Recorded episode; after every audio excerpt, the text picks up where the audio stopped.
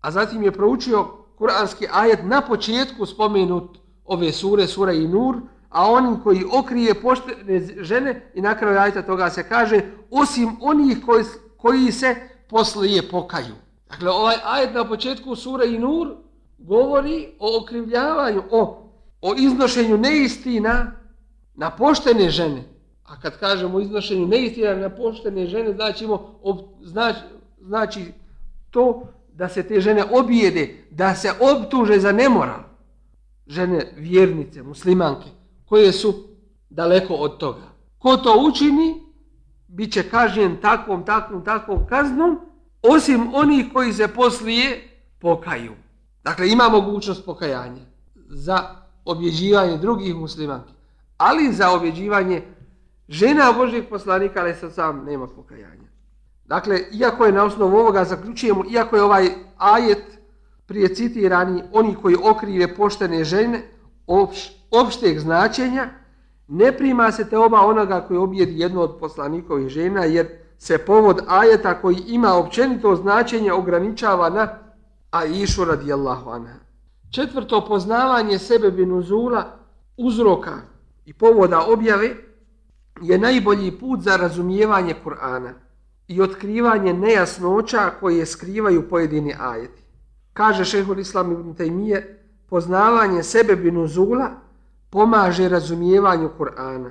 Znanje o povodima daje znanje o onome što je nastalo povodom toga.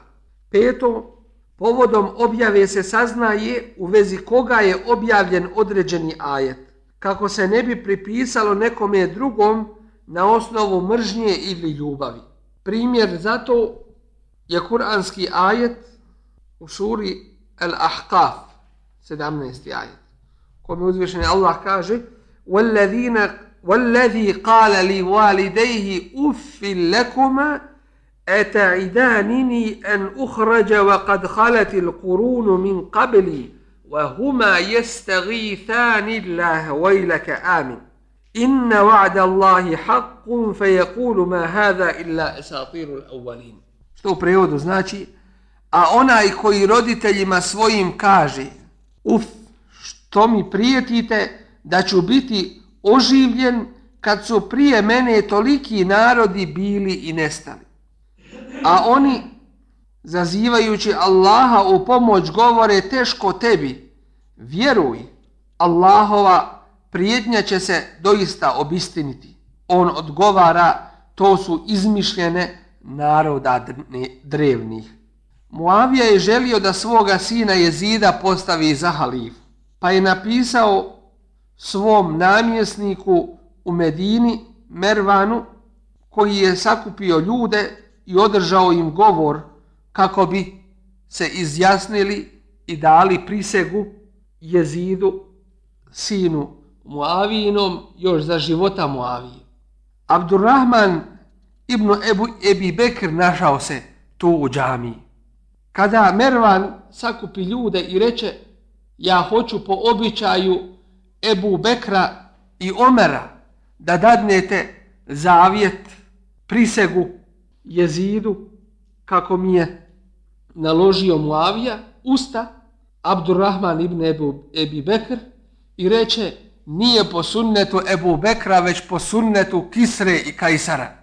Dakle, to nema veze sa islamom što ti govoriš.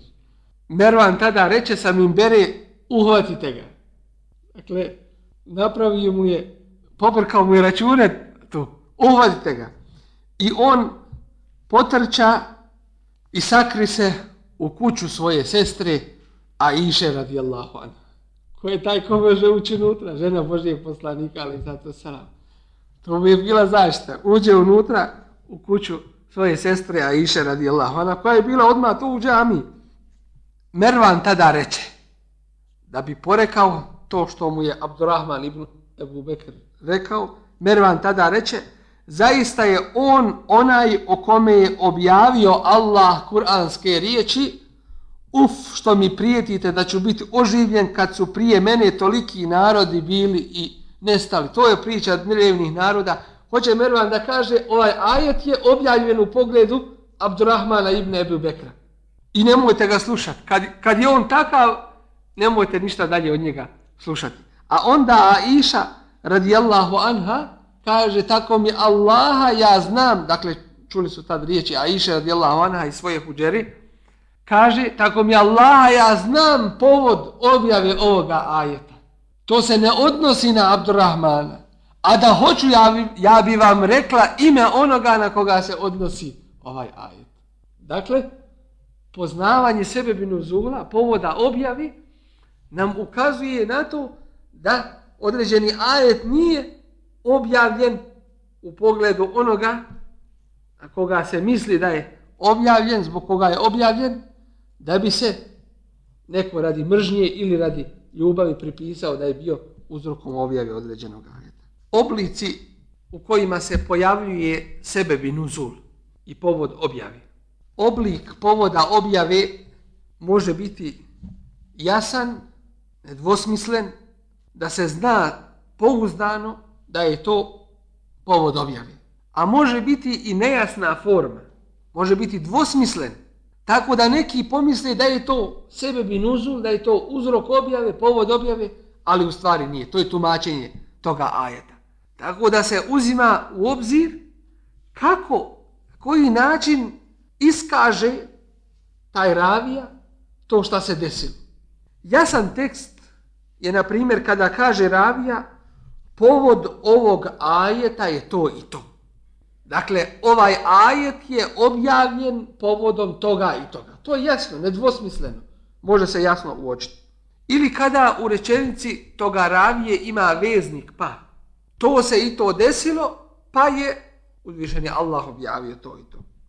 Ili upitan je Božji poslanik, ali i sada o tome, pa je objavljen ajet.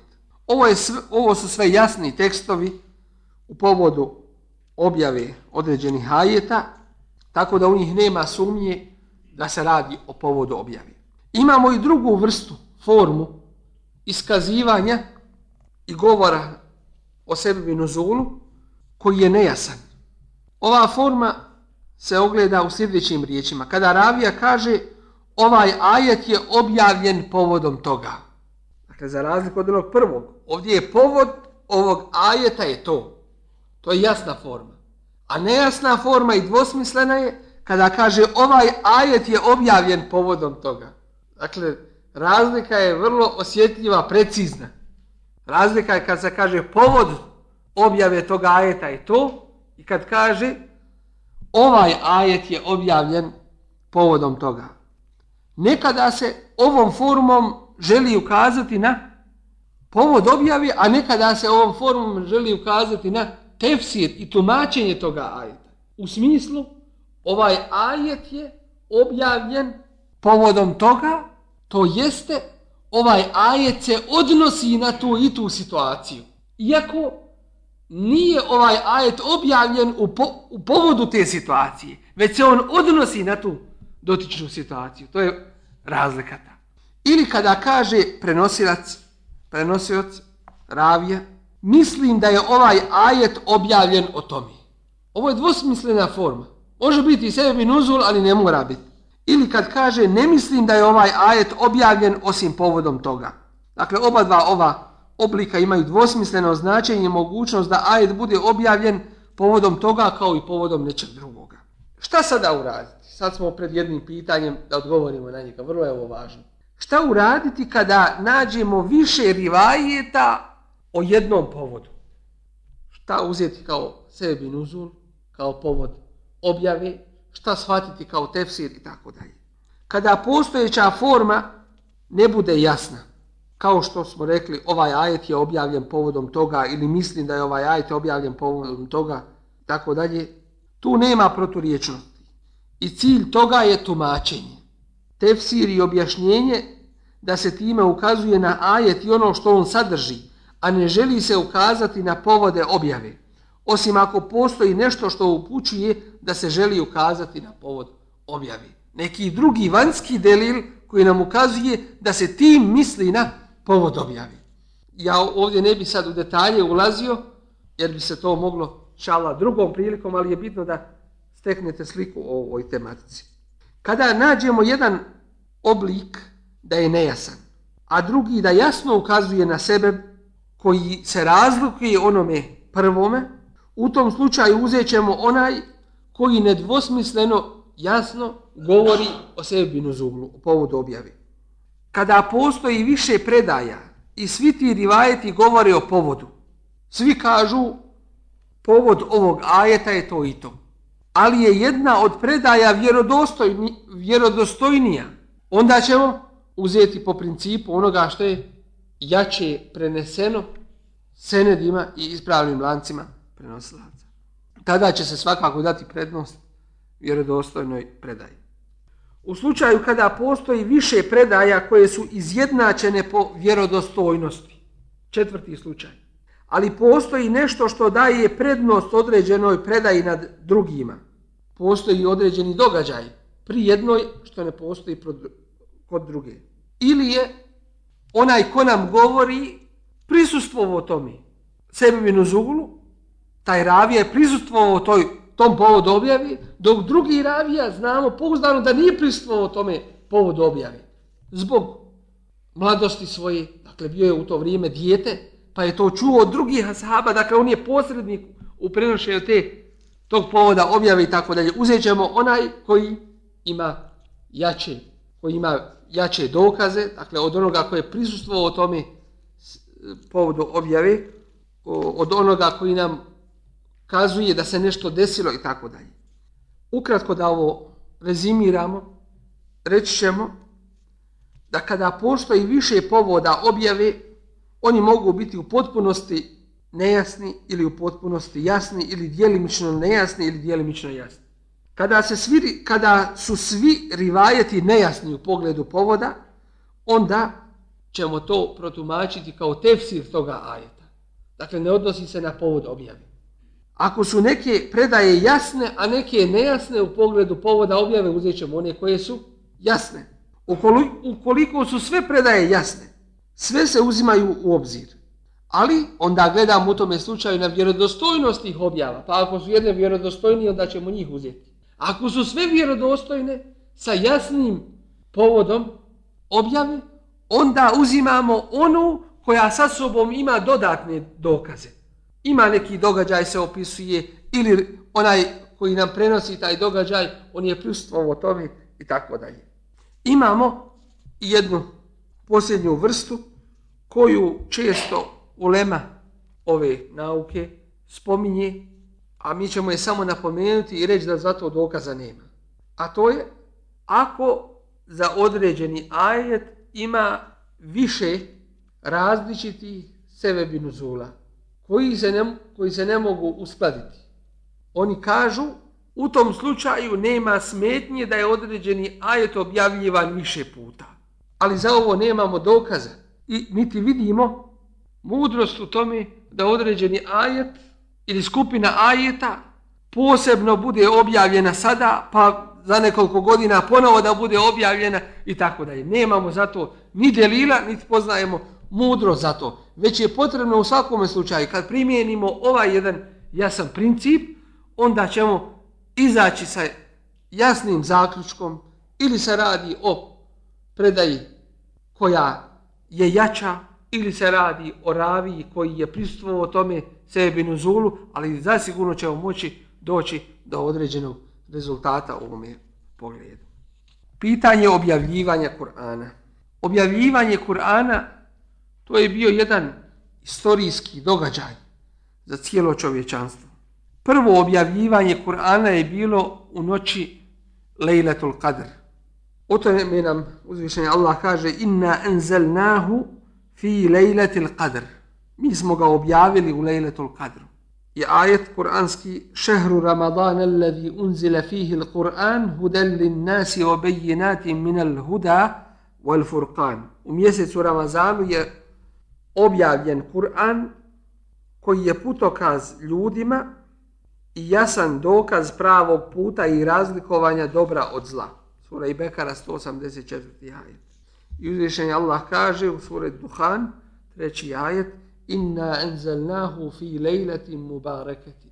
Mi smo ga objavili u mubarek noći. To jeste u noći lejletul kadra. Šta znači da je Kur'an objavljen u lejletul kadru? Ibnu Abbas, Abdullah ibn Abbas i većina ulemi stoje na stanovištu da se podrazumijeva pod objavom Kur'ana u Lejletul Kadru da je objavljen odjednom na Bejtul Izze, na ovo zemaljsko nebo, u Lejletul Kadru. A onda je postepeno, u skladu sa događajima, objavljivan Allahovom poslaniku Muhammedu sallallahu alaihi ve sellem u periodu od 23 godine. Od početka poslanstva do njegove smrti. U Mekki je objava trajala 13, a u Medini 10 godina. Prenosi se u Buhariji od Abdullah ibn Abbasa da je rekao poslaniku je objava sišla kada je imao 14, kada je imao 40 godina. Boravio je u Mekki 13 godina i objava mu je silazila. Zatim mu je naređena hijra, pa je tamo boravio 10 godina, preselio je, umro je u svojoj 60, u svojoj 63. godini. Ovo mišljenje je najispravnije i bilježe ga sahih predaje sa više rivajeta od Abdullah ibn Abbasa. Drugo mišljenje koga, kojeg zastupa Šabi, poznati mu Fesir, Tabin, to je Amir Šurahbil i on je najstariji šejh Ebu Hanife. Bio je imam u hadisu i u fikhu i umro je 109. godine po hijđri. Prenosi se od njega da je objavljivanje u spomenuta tri ajeta, da se objavljivanje u spomenuta tri ajeta odnosi na početak objave. Dakle, oni to tumače, poče, počelo se sa objavom u Lejletul Kadru, u toj blagoslovljenoj noći. Nakon toga je slijedilo postepeno objavljivanje u skladu sa zbivanjima i događaju u periodu 23 godine. Zato navodi kuranski ajet wa Kur'anem faraqnahu li taqra'ahu ala nasi ala mukthim wa nazzalnahu tanzila. I kao Kur'an sve dio po dio ga objavljujemo da bi ga ti ljudima malo pomalo, malo pomalo kazivao i prema potrebi ga objavljujemo. El Isra 106. ajet. I treće, i treće mišljenje u pogled ovoga je da je Kur'an objavljen u 23 noći Lejle i Kadra svake godine onoliko koliko će u sljedećoj godini da dođe. Svakako da je ovo prvo mišljenje najjače koje zastupa Abdullah ibn Abbas, da je odjednom Kur'an spušten na prvo nebo zemaljsko, pa je onda postepeno kroz 23 godine spuštan ljudima. Zato komentarišući to, e, Dželaluddine Sujuti kaže, tajna objave Kur'ana u cijelosti na zemaljsko nebo je njegovo veličanje i veličanje onih kojima se on objavljuje. Zbog toga je Allah htio da upozori stanovnike sedam nebesa da je to posljednja knjiga koja se objavljuje posljednjem poslaniku najodabranijeg ummeta. I kao da je Allah htio da kaže približili smo vam ga da bi vam ga objavili.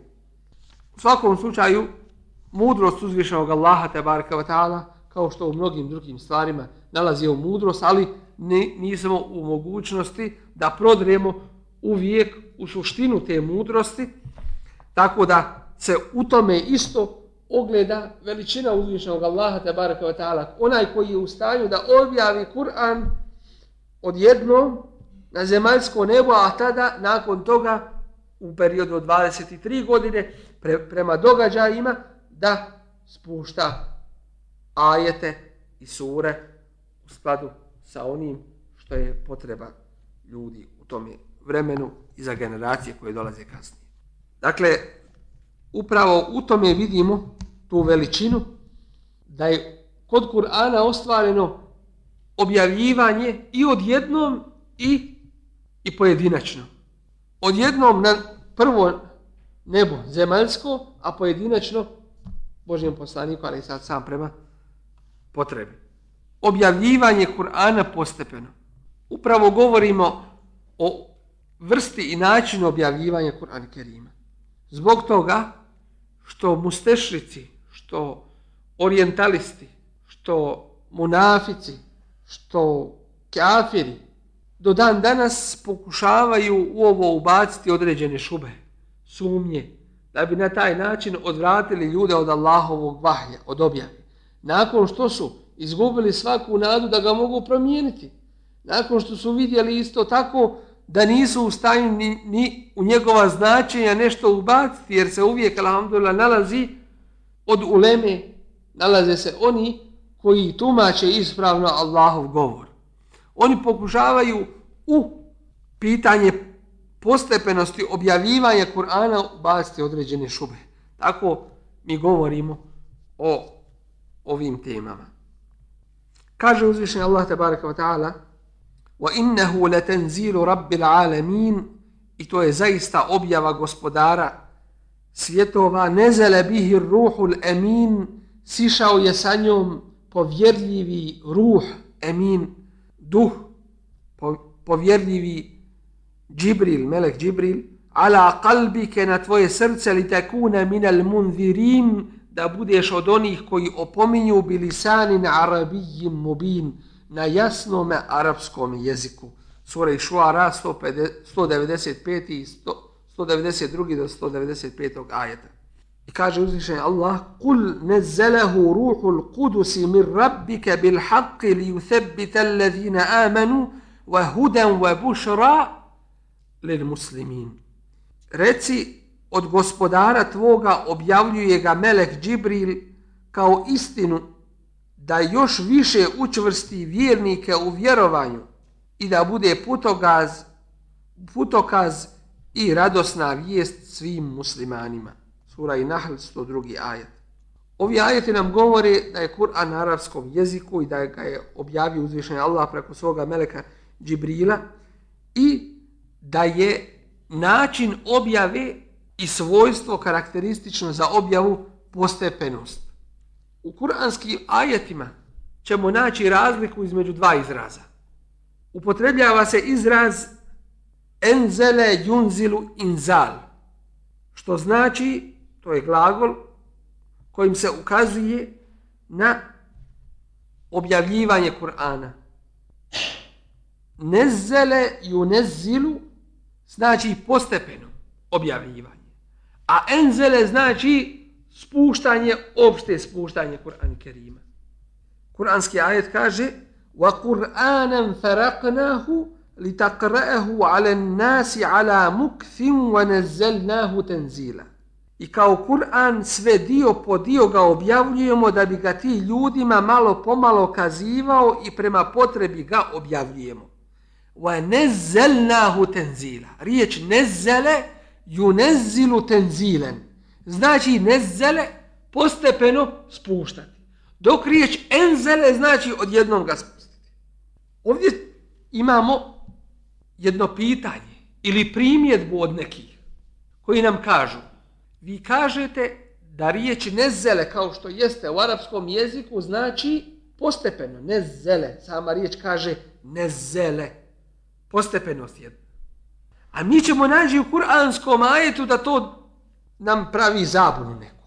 Pa da vidimo o čemu se radi. Kuranski ajet kaže وَقَالَ الَّذِينَ كَفَرُوا I kažu kafiri لَوْلَا نُزِّلَ Da mu je nuzile objavljen. U izrazu nezele, postepeno, je li tako?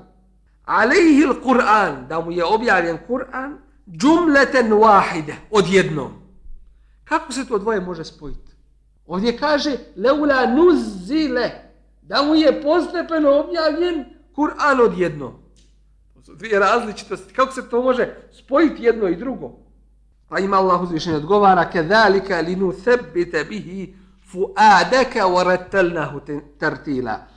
Tako se objavljuje da bismo njime srce tvoje učvrstili i mi ga sve ajet po ajet objavljujemo. Mi znamo od običaja mušrika u Mekki da su postavljali nemoguća pitanja. Pitanja na koja nije moguće odgovoriti. Na primjer, govorili su Eu tuskita sema kema zaamta alejna kisefen. Eu te'tije billahi wal melaiketi qabila. I govorili su Eu terqa fi sema. Mi hoćemo od tebe da dokaže da si poslanik da, se, da vidimo da se penješ u nebo. Walen نؤمن لرقيك. Ali mi ti opet nećemo vjerovati. Izmišljaju, njima nije cilj da saznaju, nego da izmisle nešto kako bi samo od, odbijali od Allahove vjere. Hoćemo da se penješ da bi nam dokazao da si poslanik, a ako se penješ opet ne vjerujemo. Kako je to da svatanje? Hatta tu nezile alejna kitabe nakrav. Dok nam ne dođeš sa knjigom da je čitamo od Boga napisanom, e, pogledajte da je to istina. Izmišljali nisu više imali šta da govore. Isto je ovaj ajet u tome smislu objavljen. Prenoseći njihove riječi. Oni kažu, mi hoćemo da nam postepeno Kur'an silazi, ali odjedno. Šta su želili time da kažu? Želili su time da kažu, mi nećemo da nam se knjiga spusti odjednom, pa mi hoćemo da protrljamo svoje oči, da vidimo je to istina, da, da nismo prevareni, da nije sihr, nego hoćemo da se odjednom spusti, ali ipak polako, da se mi možemo uvjeriti da je to, da se to dešava, da se to nama nešto neće smutiti, nešto, da nećemo biti prevareni i tako dalje. Dakle, posebno značenje ovoga je, i tako se spaja, spaja ova dva značenja. Što su mušici tražili i da se odjednom Kur'an spusti, ali i postepeno da gledaju njegovo spuštanje kako bi bili sigurni da nisu prevareni. Ovaj ajet nam dokazuje da su prijašnje knjige bile odjednom objavljene. Te vrat je uzvišenje Allah tabaraka wa ta'ala dao Musa'u a.s. napisan na levhama. Dakle, dao mu je Tevrat napisan na levhama. Koja je to mudrost koju zaključujemo iz objavljivanja Kur'ana postepeno? Kao prvo učvršćivanje srca poslanika, ali sad, sad. Trebalo je to ljudsko srce, iako poslanik je on, ali je ipak čovjek. Kul innema ene bešar. reci ja sam samo čovjek, juha ilaje. koji, kojim se objavljuje, kom, kome se vahij dostavlja. Zar je bilo jednostavno podnijeti to što je podnosio na Allahovom putu? Da bi mu se srce učvrstilo tim poste, postepenim objavama. Vidjeli smo da su ashabi Božeg poslanika, ali sad sam svaki dan jedva čekali da se susretnu sa Božijim poslanikom, ali sad to selam, da bi čuli od njega ajet, dva ili nekoliko ajeta koji su novo objavljeni. Time su napajali svoja srca, učvršćivali se na pravom putu kroz teškoće koje su prolazili. Božji poslanik, ali sad sam posebno je neišao na jak otpor i protivljenje od svoga naroda. Za koje Allah kaže وَكَذَّبَ بِهِ قَوْمُكَ وَهُوَ الْحَقِّ Tvoj narod to poriči, a istina je Kur'an. فَلَعَلَّكَ بَاخِعُ نَفْسَكَ عَلَىٰ آثَارِهِمْ إِلَّمْ يُؤْمِنُوا بِهَذَا الْحَدِيثِ أَسَفَ Zar ćeš ti sebe uništiti od tuge za njima ako oni ovaj govor neće da povjeruju. Sura i Kehf šesti ajet. Kaže mu uzvišenje Allah Kad na'lamu innehu la jahzunu kelladhi jekulun fa innahum la yukadzibunaka ولكن الظالمين bi الله يجحدون jeđhadun. Suratul An'am ajet 33. i 34 mi znamo da tebe zaista žalosti to što oni govori. Oni doista ne okrivljuju tebe da si lažac, nego nevjernici poriču Allahove riječi. Dalje, ovakvim načinom objave je uspostavljen i ađaz. Izazov ljudima da se pokaže i dokaže nadnaravnost Kur'ana. Da je to od uzvišnog Allaha te barka. Mi ćemo vidjeti u periodu od 23 godine. Nema mijenjanja ideje. Ideja od prve objave do posljednje je ista. Jačina govora kroz teške situacije je Boži poslanik, ali sam sam prolazio.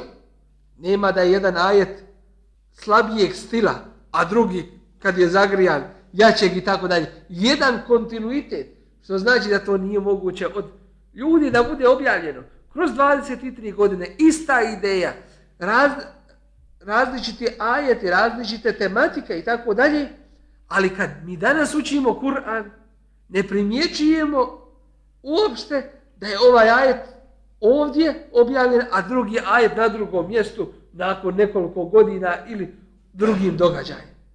Jedan stil, onaj savršeni, najuzvišeniji, ista ideja, i na tim što bi se reklo prelomima, tu, na tim spajanjima ajeta koji su bili objavljeni u različitim mjestima, u različitim periodima, uopšte ne možemo primijetiti da su objavljeni u različitim periodima. To je savršenstvo Kur'ana. Dakle, u 23 godine da, da bude jedna knjiga napisana, to je dodatna teškoća. Ali ona nije napisana od ljudi, već je objavljena od uzvišnog Allaha tabaraka wa ta'ala. Treće, olakšica pamćenja i razumijevanja Kur'ana. Jer su ashabi Božih poslanika, ali sato selam, po jednom rivajtu pet, po drugom deset ajeta učili, nisu prelazili na druge dok ove nisu naučili, saznali šta je u njima od poruka i radili po tome. Pa kažu, فَتَعَلَّمْنَا الْقُرْآنُ وَالْعِلْمَ wal-ilma wal-amala. Pa smo naučili Kur'an, naučili smo znanje i rad po tome znanju zajedno. Četvrto, praćenje događaja i postepenost u donošenju zakona. Praćenje događaja. Dakle, kad se nešto desi, ajet se objavi povodom toga. Često mi, na primjer, učimo određene ajete. Ali kad nam se nešto desi, pa nađemo rješenje te naše situacije u kuranskom ajetu kao da je taj ajet sad objavljen. Kao kada se desilo, kad je preselio Resulullah sallallahu sallam. Ljudi su bili van sebe. Omer radijallahu anhu kaže, ko kaže da je umro Božji poslanik, ali i sada selam, ja ću ga ubiti. Evo Bekr smiren, penje se na mimber i kaže ljudima, o ljudi, ko obožava Allaha, znajte da Allah je živ i ne umire. Ako obožava Muhammeda sallallahu sallam, neka zna da je on čovjek i da je on umro. I onda im uči kuranski ajet وَمَا مُحَمَّدٌ إِلَّا رَسُولٌ قَدْ خَلَتْ مِنْ قَبْلِهِ الرُّسُلُ Efe im mate, au kutilen, kalebtum ala akabikum.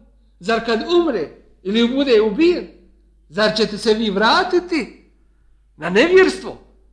Kaže Omer radijallahu anhu, kao da je taj ajet sada bio objavljen. Učio je on prije taj ajet, ali u tome događaju kada je spomenut kao da je sada bio objavljen. I upravo ovdje vidimo kada se govori o oživljavanju Kur'ana među ljudima, Kur'an je živ svakako u svojoj osnovi, ali među ljudima da radi po njemu, da ajete kur'anske svedemo na našu stvarnost. A ajeti kur'anski o svemu govori.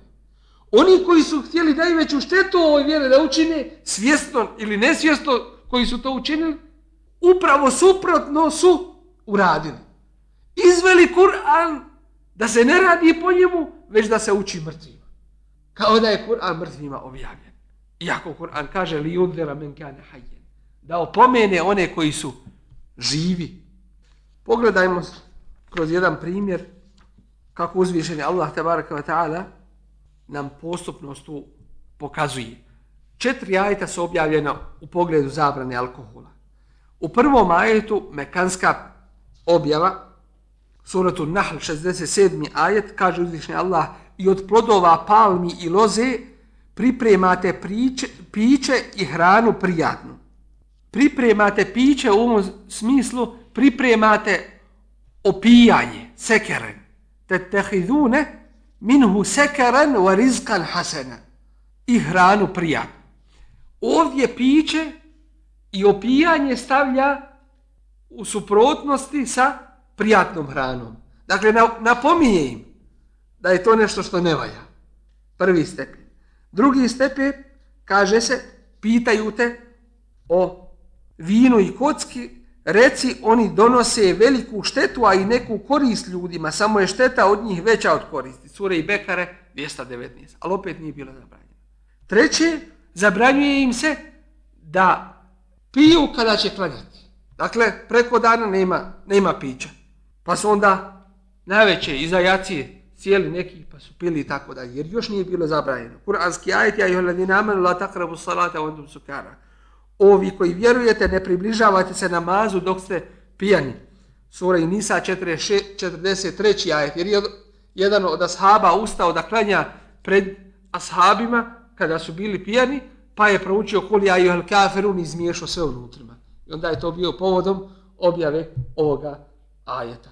I onda treća situacija kada su se e, napili jedan put iza jacije, e, nije bilo tad više namaza do sabaha, pa će se otrezni do sabaha, onda su uzeli jedni drugima. Jedan je od ashaba drugoga udario glavušom od onoga što su jeli tako da ga je da ga je ranio i onda kuranski ajet biva objavljen. Ja juhel ladina amenu innamal hamru wal mejsru wal ansabu wal ezlamu riđusu min amali šeitan. Feđteni la'allakum tuflihun o vjernici vino, kocka i kumiri i strelce za gatanje su odvratne stvari šeitanovo dijelo zato se toga klonite da biste postigli što želite fehelentum mundamun hoćete li se toga proći tako da je pogledajmo ovaj rivajet Aisha radijallahu anha u, u kome, koja se, koji se prenosi u Buhariji a koja kaže prvo što je objavljeno od Kur'ana je sura u kojoj se detaljno spominje džennet i džehennem. I kada su ljudi prihvatili islam, objavljen je halal i haram. Pazite ovo, u Davi. Da je, da je kao prvo objavljeno ne pijte vino, rekli bi nikada nećemo ostaviti vino. Da je objavljeno ne činite zinaluk, rekli bi nikada nećemo napustiti zinaluk. Dakle, postepenost objave. Što i nama ukazuje na jedan sistem daveta kako treba da činimo. Naći ćemo isto tako u mekanskom periodu kamata da se spominje. وَمَا آتَيْتُمْ min ribel li jerbu fi emuali nasi fe la jerbu inda Allah. Ono što radite sa kamatom da biste uvećali svoje imetke, to kod Allaha se uvećat neće. Ali kamata još je tu. A mu kaže to ne valja. Dakle, jedna postepenost u objavi. Peto, neosporni dokaz da je Kur'an objava od uzvišenog Allaha, te baraka ta'ala, ajeti koji su savršeni, za koje uzvišeni Allah kaže, kitabun uhkimet ajatuhu thumme fussilet min ledun hakimin alim. Ovo je knjiga čiji, su ajet, čiji se ajeti pomno nižu i od vremena do vremena objavljuju od, mur, od mudrog i sveznajućeg. I da je od nekog drugog Kur'ana, osim od uzvišenog Allaha, tabaraka wa ta'ala, onda bismo u njemu našli mnoga razilaženja što se ne može naći. Vola ukjane min indi gajri Allahi la vajedu fihi ihtilafen kefira, a da je on od nekog drugoga, ne od Allaha, sigurno bi u njemu našli mnoge proturiječnosti. Sura i Nisa, ajet 82. Dakle, kroz ovo vidjet ćemo koje koristi vidimo kroz izučavanja ulumul Kur'an, kuranskih nauka, u razumijevanju Kur'ana, u primjeni u davi, u saznavanju sire, u saznavanju određenih propisa na koga se odnosi i tako dalje. To je jedan, možemo kratko reći, neiscrpni izvor. Nikada se čovjek ne može zadovoljiti učenjem Kur'ana, tako da i mi treba da posvetimo maksimum truda i pažnje da što više saznam. Jezakum Allah. Subhanakallahumma, alhamdika, šadu la ilaha ila, ente, wa rukavatu, bojliku.